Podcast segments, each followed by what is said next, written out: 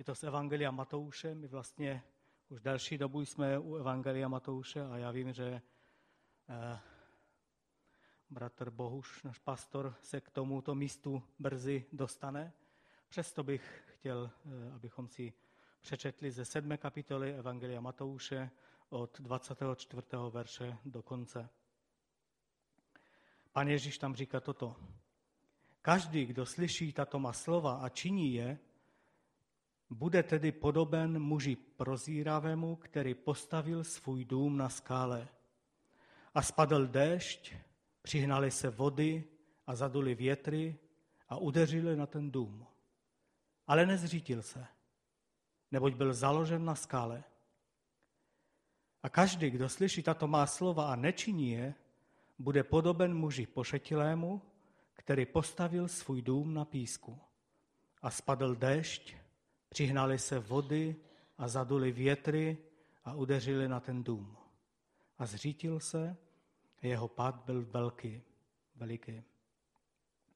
Pane, tak tě prosím, pomoz nám, abychom mohli slyšet i z tvého slova to, co nám chce říct. Dej, abychom měli otevřená srdce, abychom mohli být proměňovaní, aby moc tvého ducha svatého mohla působit na nás a abychom byli otevřeni na tvé slovo. Tak ti děkuji za to, že ty to chceš činit. Amen. Amen. Můžeme se posadit? Víte, eh, nechtěl jsem nějak, eh, abychom se zamýšleli. Samozřejmě každý z nás, kdo čteme Bibli, víme, že je to konec takzvaného kázání nahoře. Konec sedmé kapitoly. A už jsme v tom, v tom úvodu slyšeli od eh, Bohuše, jak, jak, jak lze přistupovat kázání na, ke kázání nahoře. Abych nechtěl, abychom se dnes zamýšleli nad těmi jednotlivými vyjádřeními Ježíše Krista, protože to se bude dít v následujících týdnech, jestli pán dovolí. A těším se na to.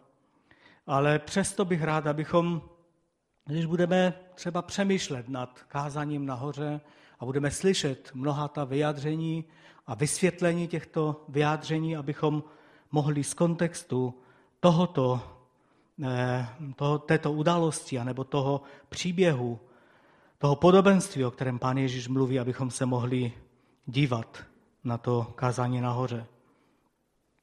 Zdá se, že to bylo to nejobsahlejší eh, eh, vyučování Pana Ježíše, které je zaznamenáno a zúčastnili jsme ho, se ho, jak už jsme i slyšeli, jak učedníci, tak i zástupy. A také jsme už slyšeli, pro koho vlastně to bylo řečeno. Eh, myslím si, že to nebylo řečeno pro nekřesťany a nemůžeme to, nemůžeme to nějak vztahovat tu šablonu na nekřesťany, na nevěřící, lidé, na nevěřící lidi. Protože pan Ježíš říká, vy jste sůl světa a světlo světa. To jsme slyšeli minulou neděli a nevěřící lidé tomu moc nerozumí. Ani nemůžeme chtít, aby oni byli tím světlem a tou solí. A také používá často eh, vyjádření v tom, v tom, v těch, v tom kázání nahoře. Eh, slyšeli jste, že bylo řečeno. A mnozí lidé neslyšeli. Ale my, křesťané, jsme slyšeli. My, kteří se zúčastňujeme zhromáždění, čteme Biblii, tak jsme slyšeli. A proto, proto i když, jak už jsme to mohli v minulých týdnech slyšet, i když celé zástupy poslouchali toto kázání, přesto, přesto je to určeno právě nám, právě lidem, kteří chtějí nasledovat Boha. Lidem, kteří chtějí brát Boha vážně. Lidem, kteří jsou křesťany se vším všudy. A tak je to oslovení pro každého z nás. A také vidíme, že v tomto, v tomto podobenství pán Ježíš rozděluje celou tu skupinu lidí, nebo celý ten zástup lidí na dvě skupiny. Na dvě skupiny. První skupina je přirovnána k prozíravému, moudrému člověku, který staví svůj, dům na skále a druhá skupina je přirovnána k nerozumnému člověku, pošetilému, který staví svůj dům na písku. Zdá se, jakoby mezi, mezi eh, tě, jakoby všichni byli zařazení buď do jedné nebo druhé skupiny a je to je to jako buď a nebo. Není to, že je tam nějaká škála. Někdo je trochu víc, víc na skále a druhý je trochu víc na písku a někdo je téměř na skále, někdo téměř na písku. Není to, není to nějaká škála od deseti k nule, anebo já nevím, ke kolika. Čili je to, buď patříme do skupiny, ke skupině lidí, lidí kteří stavějí na skále, anebo ke skupině lidí, kteří stavějí na písku. A také se mi zdá, že, že ta skála není někde nějaká hora,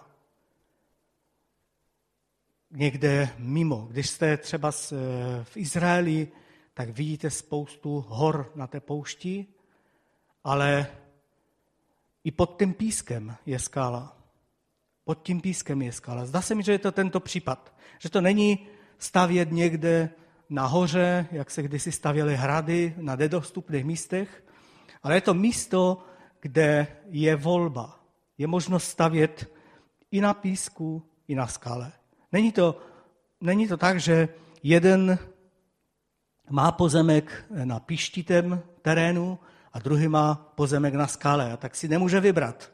Ten prostě tam má jenom písek, tak se nedá nic dělat a ten druhý má jenom skálu, tak musí stavět na skale. Zdá se, že je to, je to stejné místo. Pokud by, to, pokud by to tak nebylo, pak by, pak by pan Ježíš nemohl tu stejnou skupinu přirovnávat, přirovnávat k sobě, nebo dávat ten závěr stejný pro všechny lidi.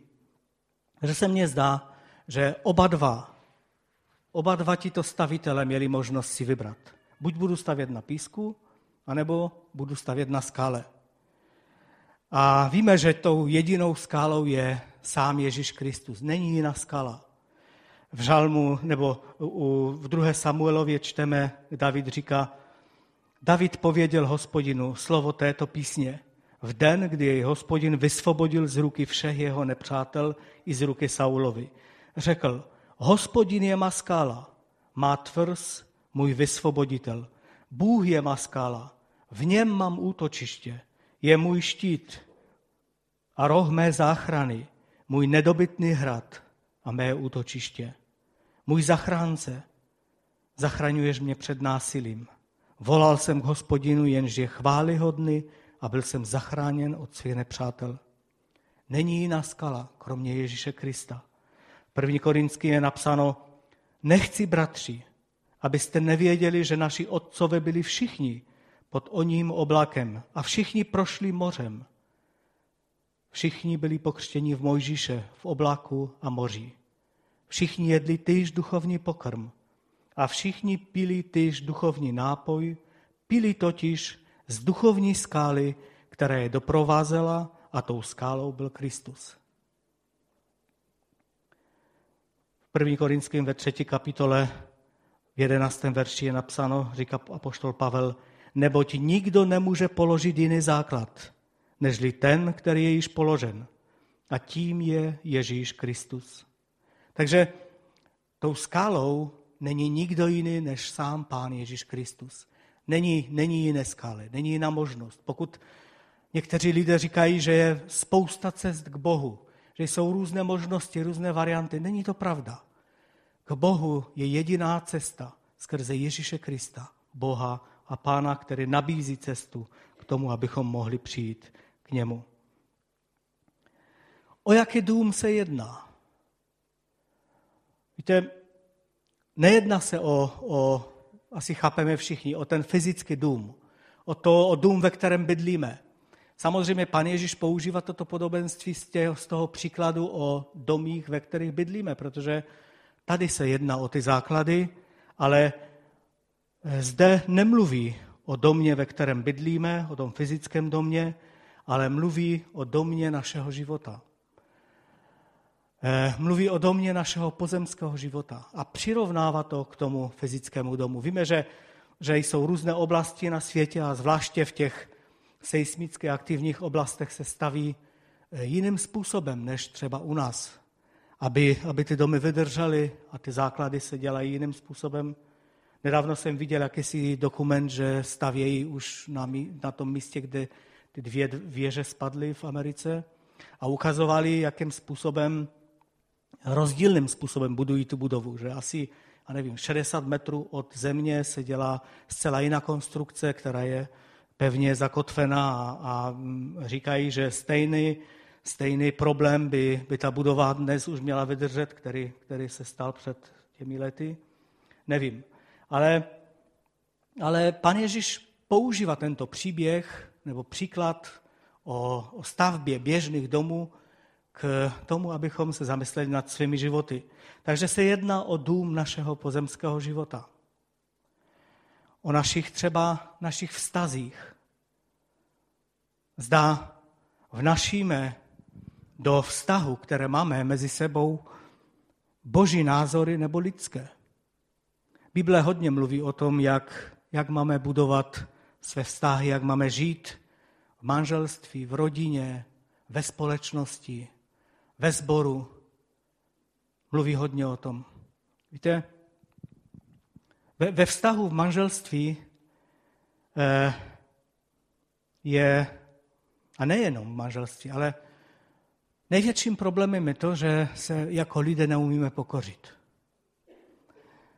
A Pan Ježíš, když se ho ptali na to, jestli je možno eh, se rozvést, anebo propustit svou ženu, anebo odejít jeden od druhého, tak říká, že to bylo dáno Mojžíšem pro tvrdost vašeho srdce. Protože nejsme schopni se ponížit jeden před druhým, odpustit jeden druhému a proto, proto jsou problémy. A zdá se mi, že když pan Ježíš mluví o tom celém vyučování, které čteme eh, v tom kázání nahoře, takže mluví o těch, o těch různých věcech, které se dějí a chce, abychom se zamysleli nad tím, jak, jak se k tomu stavíme.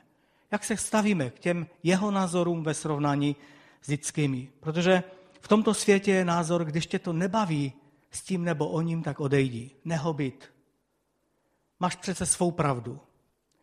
Ty víš, co je správné a ten druhý ti třeba ublížil a tak, tak ho nech být a najdi si někoho jiného. A přesto pan Ježíš nás vyučuje, abychom, abychom se uměli pokořit, abychom uměli odpustit. Uměli poprosit o odpuštění jeden druhého, třeba v manželství. A také na druhé straně umět odpustit. Víte, jsou lidé, kteří se kterými, když mluvíte nebo se setkáváte, tak se zdá, že, že, že jsou na vás naštvaní furt. Že vám nikdy neodpustili. Když jste mu třeba ublížil, tak on, on pořád tam někde drží v srdci ten, ten jakýsi škraloup a má radost z toho, že kdykoliv to může připomenout a tvaří se jako jediný, kterému bylo ublíženo a budeš potřebovat hodně, hodně dlouho a možná ti na to nestačí celý život aby se dost zasloužil tomu člověku, aby ti odpustil. Takže je dobré ji odpouštět, nejenom poprosit o odpuštění, ale odpouštět. V rodině vztahy. Eh, aby děti se naučili poslouchat své rodiče. To je, to je biblické vyjádření. Já jsem nedávno slyšel o jakémsi setkání, kde si, kterém si zboru, tady v Těšině, kde, kde se mluvilo o těch věcech a když jsem slyšel o tom, tak se mi zdá, že, že křesťané někdy jsou v tom víc zamotaní jako lidé v tom světě. Že jednoduché biblické pravdy ohledně vyučování, ohledně e, výchovy dětí, jakoby jsou velice ovlivněné vlivem toho světa. Tak jak to, myslím, minulou neděli říkal bratr e, Eh, o tom bratr Petr, že nemůžete říct žákovi ve škole, že není připraven. Protože to by mohlo narušit jeho duševní nějakou rovnováhu a on by se cítil tím postižen a tak radši můžete říct dobře, dobře, všechno v pořádku. Čili v takovém světě žijeme a Bible nám říká, že máme vychovávat své děti, že máme, že máme, eh, dává nám návod, jak máme jednat i ve vztahu vůči dětem. A ten nejlepší dárek, který můžeme eh, dát dětem, nejsou možná nějaké drahé hračky, nebo vůbec nějaké dobré oblečení, nebo další věci, ale je to, když je správně připravíme do života. Když se naučí mít v úctě své rodiče a poslouchat je a také ty, kteří jsou eh, postaveni v moci a ne eh, pohrdat jimi. A tak jsou stejně i vztahy ve sboru, ve společnosti, v práci. Máme mít, Bible nám říká, že máme mít eh, jedni druhé za vyšší od sebe, vzácnější. Že se máme zajímat o potřeby jedních druhých. Nemáme říkat, to mě nezajímá, to je jeho věc. Že se máme zajímat jedni o druhé. Že máme být těmi nejlepšími zaměstnanci v zaměstnání. Já jsem se setkal s některými podnikateli a nebyl to jeden ani dva, kteří měli dost obavu zaměstnat věřící lidi. A zvláště věřící lidi z toho sboru, do kterého chodili. Protože ti se tvařili, že protože ten zaměstnavatel je jejich bratr, tak on je musí poslouchat a ne oni jeho. A musí jim akorát dávat peníze a dělat všechno, co, co oni by chtěli. Ale my jako, jako křesťané bychom měli být těmi nejlepšími zaměstnanci, nejlepšími lidmi ve, eh, ve společnosti. A Bible nás vyučuje hodně ohledně vztahu o toho, jak máme jednat, jak se máme, jak se máme chovat. Když bychom třeba četli přísloví, celá, eh, celé přísloví, spousta veršů je o tom, jak máme jednat jedni s druhými. Jak, jak se máme chovat. I, I vyučování Pana Ježíše, i dopisy novozakonní hodně mluví o tom, jak máme jednat s sebou v rodině, ve společnosti, ve sboru a tak dále.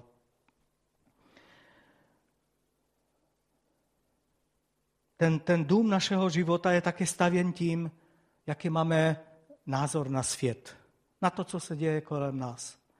Jestli je to stejné, jak už to myslím, Aňa říkala, že lidi, kteří mají nejvíc problémů, tak se snaží vyřešit všechno kolem sebe, akorát neřeší svůj vlastní život. Jaký máme názor na svět? Jak vidíme věci kolem sebe? Je to boží pohled, anebo je to pohled lidský, ten, který je kolem nás? Pohled, který je, který je závislý na duchu tohoto světa. Na čem si zakladáme ve svém životě? Jsou to naše zkušenosti, naše prožitky, naše vzdělání, postavení ve společnosti. Co má pro nás větší hodnotu? A co jsou věci okrajové? To jsou všechno otázky. A těmito otázkami a řešením těchto otázek eh, budujeme současný nebo ten pozemský dům našich životů. K čemu používáme naše prostředky, peníze, zkušenosti, k čemu používáme náš vliv.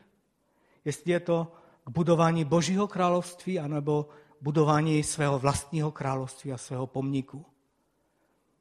Záleží na tom. Jak nakladáme s časem. Víte, žijeme v takové zvláštní době. Možná jenom, jenom je to v tom západním světě, ale zdá se, že nikdo nemá čas. Nikdo nemá čas. Když se někoho zeptáte, jestli má čas na to nebo, na ono, tak vždycky, nebo většinou, to vypadá tak, že nemá čas.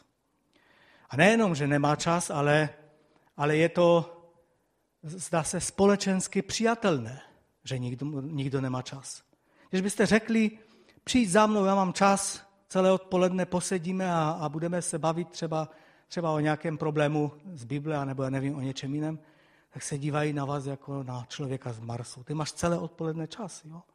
Já jsem tak, tak, tak zaběhaný, že nemám čas na nic.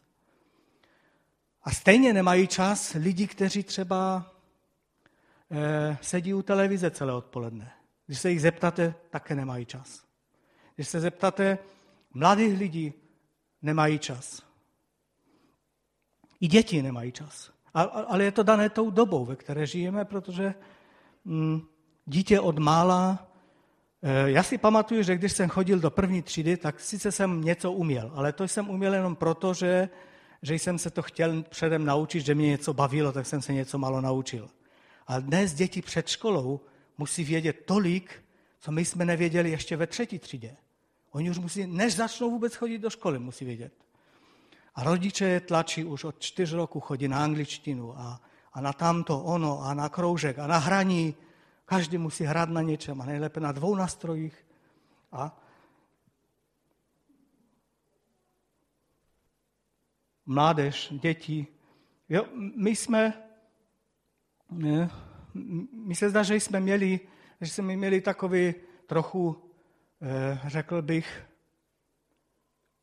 v tomto směru jednodušší život. Že jako děcka jsme si mohli hodně hrát.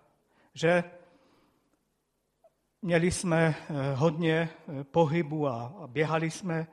Ještě kdy, kdysi tady, tady se těžila hlina, to ani nevíme. Ne, nevíte, spousta z vás. Tady byly, byly pole, kde se eh, těžila hlina, tady stala cihelna, tam druhá.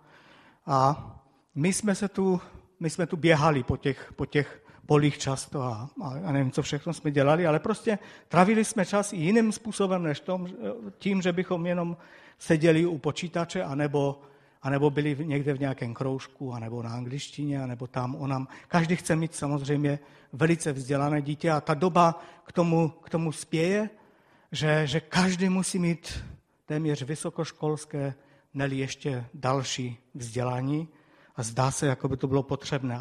A toto probíhá ten proces ve všech úrovních. A stejně se to týká mládeže. Mladí manželé nemají čas. Když se zeptáte maminky s dítětem, jestli má čas přijít třeba na setkání maminek, tak nemá čas většinou. A nebo navštívit někoho, taky často nemá čas. A je to, je to, dané, je to dané tou dobou, ale taky trochu si myslím, že v tom je lidi chcou být in a všichni se tváří, že nemají čas, takže já taky se tak budu tvářit a, a bude to dobré. Tím teď nechci zlehčovat, ani, ani nějak, eh, nějak se dívat z vrchu na, na, na ty, kteří fakt eh, mají hodně práce a pracují. Já si myslím, že, že, že jsou různé období a různé situace v našich životech a to je správné. Ale zamyslíme se nad tím. Dokonce duchodci, já jsem nedávno mluvil s jedním důchodcem, kterému už je přes 80 let. Víte, co mi řekl? Že nemá čas. stejná, stejná věc. A tak záleží na tom, jak, jak investujeme náš čas do, do života, v který žijeme. Pan Ježíš žil jenom, jenom něco přes 30 let. Nevíme přesně, jestli 33, 34 nebo kolik let žil. A jeho služba byla jenom asi tři až tři a půl roku. A udělal tolik služby, tolik, tolik díla, že nikdo z nás se nemůžeme srovnávat ani nikdy nebudeme moci srovnávat s ním. Tak tolik ohledně, ohledně těch, ohledně toho domu našeho pozem, pozemského života. Víte, to, jak žijeme, náš pozemský život, ve velké míře a možná úplně rozhoduje o našem věčném životě. Protože ten příběh nebo ten, to podobenství není napsáno jenom kvůli pozemského života, ale hlavně kvůli toho, kde, kde budeme trávit svou věčnost. A tak když teď žijeme způsobem takovým, že stavíme místo na skále, stavíme na písku, pak když přijdou, přijde otázka toho věčného života, pak ten náš dům i ten věčný se může velice lehce sesypat. Já vím, že spasení, že odpuštění hříchu je zdarma. Bůh to dává, nabízí každému z nás, že Pan to dal, aniž bychom museli něco pro to udělat. Ale to stavění na písku anebo na skale je právě o tom, co jsme udělali s tou nabídnutou boží milostí. A to se projeví v krizi. Každý dům podle toho příběhu, podle toho podobenství, každý dům prochází zkouškou. Víte, ta zkouška přišla na oba dva ty domy. Tím chtěl pan Ježíš říct, eh, že nikdo spod toho není vyňat. Není to tím místem, kde ten dům je, ale je to tím, jestli je na skále anebo na písku, ale ta zkouška přichází na každého. Víme, že, že přicházejí zkoušky, ať už strata zaměstnání, nemoc, strata někoho blízkého. Jsou to velice těžké zkoušky a ne všichni procházíme stejné zkoušky. Nejsou úplně stejné, ale ten, ten dopad můžou mít stejný na každého z nás. A ten rozdíl jenom bude v tom, jestli, jestli stojíme na skále anebo na písku. Takže o tom pádu toho domu nerozhodují vnější okolnosti. Zdálo by se, že ten, že ten dům na písku asi prošel větší bouří. Zdálo by se, že ten, ten člověk, který stavěl na písku, eh, prožil těžší situace, ale není to tak. Pán Ježíš velice jasně ukazuje, že se jednalo o stejnou situaci. To vyjadření, ta věta, a spadl déšť a přihnali se vody a zaduli větry a udeřili na ten dům, je stejná u obou domů. Stejná situace. Žáden, žáden rozdíl. V čem je rozdíl? To je potom ale. Ale. Jeden dopadl tak a druhý jinak. Tom je rozdíl. Ale ten, ta bouře, ten vítr, ten, ten dešť byl stejný pro oba dva domy. A někteří lidé říkají, víte, tomu se to mluví, ten se má dobře. Často se srovnáváme tak, jako bychom viděli, ten druhý, ten má lehčí život. Já to mám v té věci složité a ten ani neví, o čem mluvím. Ten ani neví, o čem je život.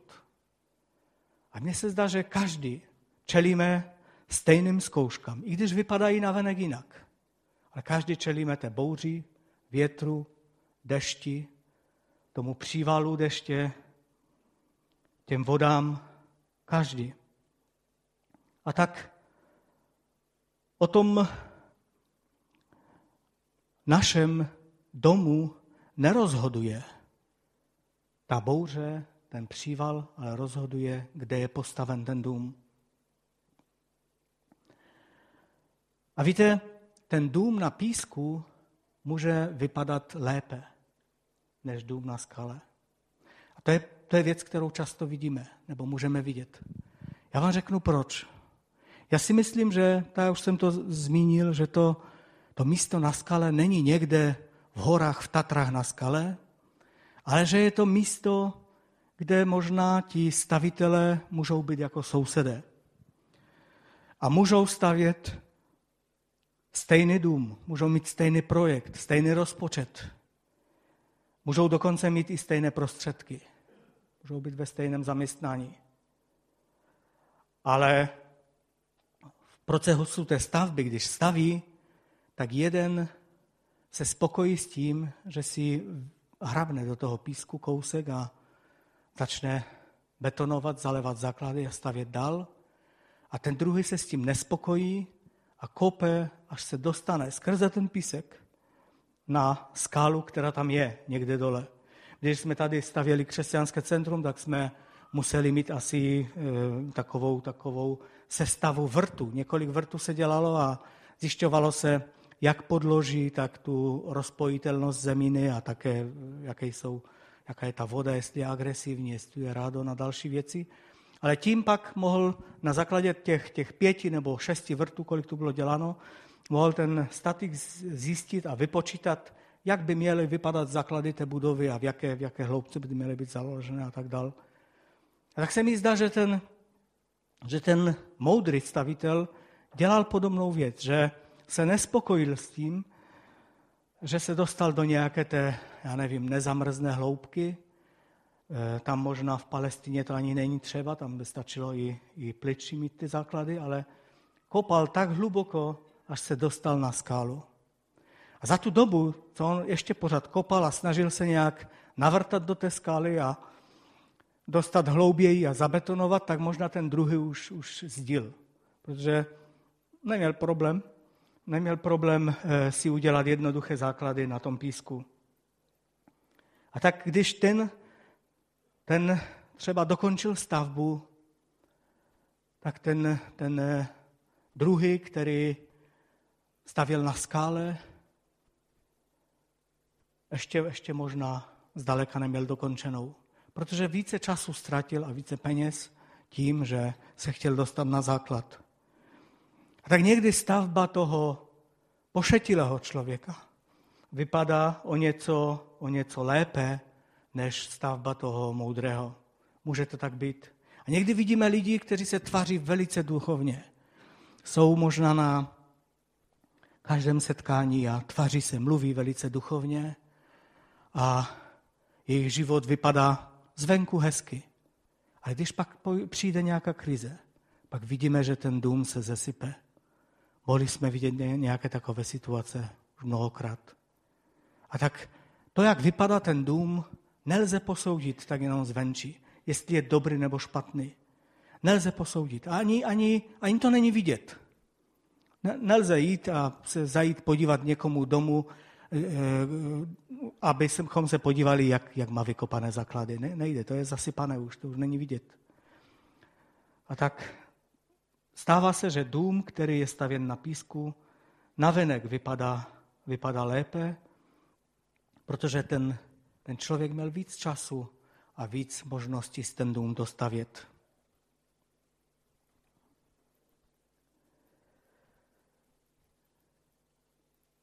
A tak teď jsme v procesu, kdy se zamýšlíme nad kázáním nahoře.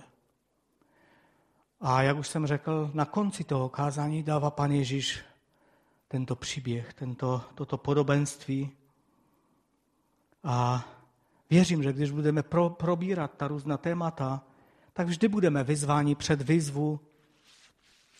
Zda se zachováme podle svého rozhodnutí, podle svých zkušeností, podle toho, co se mně zdá lepší, anebo zda budeme hledat milost u Boha, aby nám dovolil, pomohl jednat podle rady jeho slova.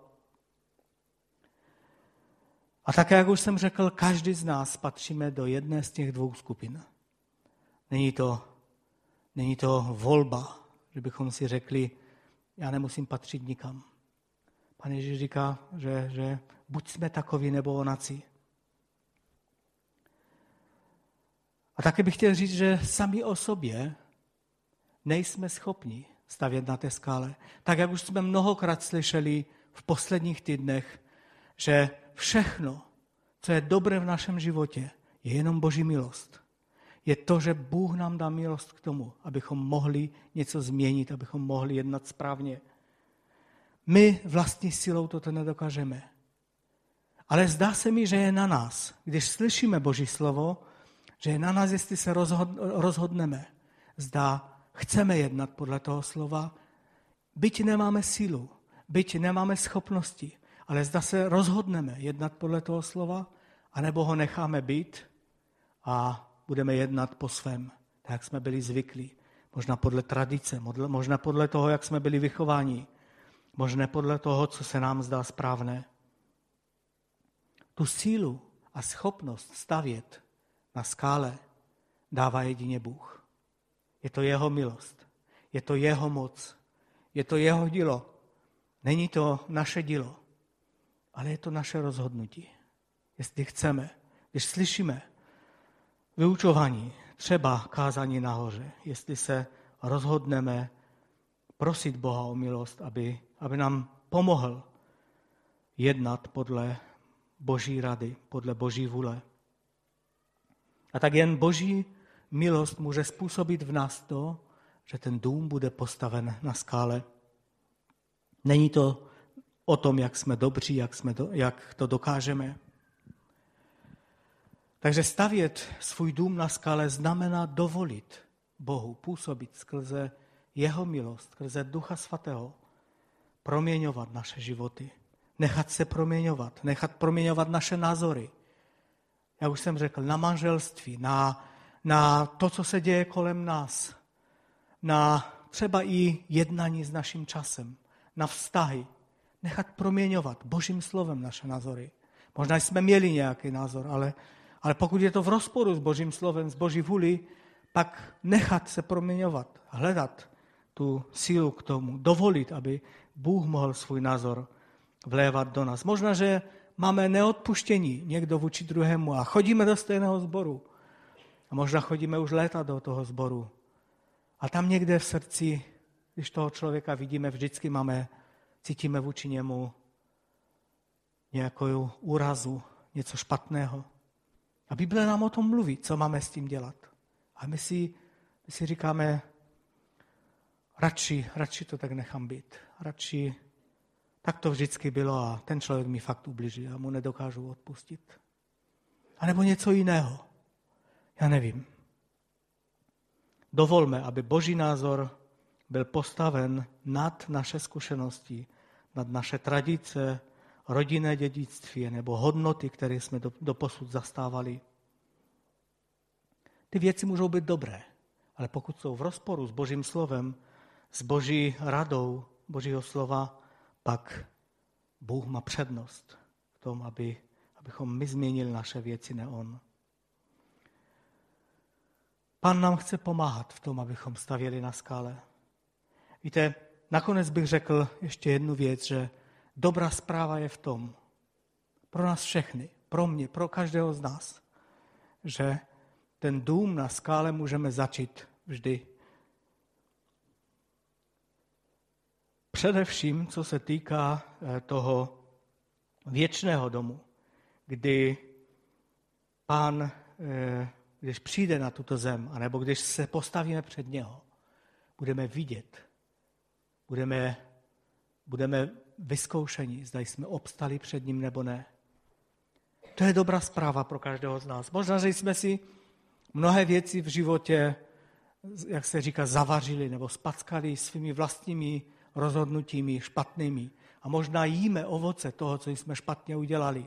Protože tak to většinou je, když si něco uvaříme, tak si to sníme ve svém životě. Je to i vyjádření Božího slova, samozřejmě jinými slovy. Ale dobrá zpráva je, že když zjistíme, že jsou věci, které v Božím slově, které Bůh radí jinak, a my je také děláme jinak, a budeme volat k němu, pane, pomoz mi, aby se to změnilo, pomoz mi, abych měl dostatek síly, aby to mohlo být jinak, tak Bůh nám dá k tomu sílu a budeme stát na skále. Budeme stát na té skále, která která je věčná, kterou je Ježíš Kristus. A k tomu, k tomu nás Bible vyzývá. Když slyšíme, že k nám Pán mluví, abychom nezatvrzovali svá srdce, abychom, abychom dovolili proniknout Božímu slovu do našich srdcí a dovolili se proměnit, rozhodli se, že necháme se proměňovat Bohem. A tak když budeme probírat ta podobenství a příklady z kázání nahoře, přemýšlejme nad tím, s jakým postojem posloucháme, s jakým, eh, s jakým nastavením posloucháme to, co pán nám chce říct. Jestli už předem víme, že tuto věc ne, možná tam tu věc ano, ale tuto věc ne. A nebo předem to vzdáváme, řekneme si, já na to nemám sílu. Já nejsem na to dost silný, já nejsem dost dobrý na to. To bych nedokázal. Sami o sobě nedokážeme. Pán dává k tomu sílu, pán nás proměňuje, je to jeho dílo, je to jeho milost. Ale my se musíme rozhodnout. A proto pán Ježíš říká, že všichni ti lidé, kteří seděli, byli kolem něho na té hoře, kde, kde kázal, že jsou rozděleni do dvou skupin. A stejně i my v našem životě, když čteme Boží slovo, posloucháme v církvi nebo, nebo slyšíme jakýmkoliv způsobem, vnímáme, tak buď jsme ti, kteří stavějí na písku, protože si říkají, však nějak to bude, a ta věc, tu radši ještě nechám, ta, ta je příliš, příliš eh, složitá pro mne, a nebo jsme jako lidé, kteří stavějí na písku, eh, na skále, tím, že dovolíme, aby Boží slovo nás proměňovalo, aby názory Božího slova byly pro nás platné. A tak to je, to je závěr tohoto kázání. Ať nám Bůh dá milost, abychom, když slyšíme Boží slovo, když se, když se modlíme, když čteme, abychom dovolili Duchu Svatému, abychom dovolili, aby nás proměňoval. Abychom nebyli stejní, ale abychom byli proměňovaní k jeho slávě. Ve všech oblastech v našem životě. Já jsem zmínil jenom některé a vůbec jsem nezmiňoval to, co, o čem mluví pán Ježíš v tom kázání samotném, ale abychom dovolili, aby nás Bůh proměňoval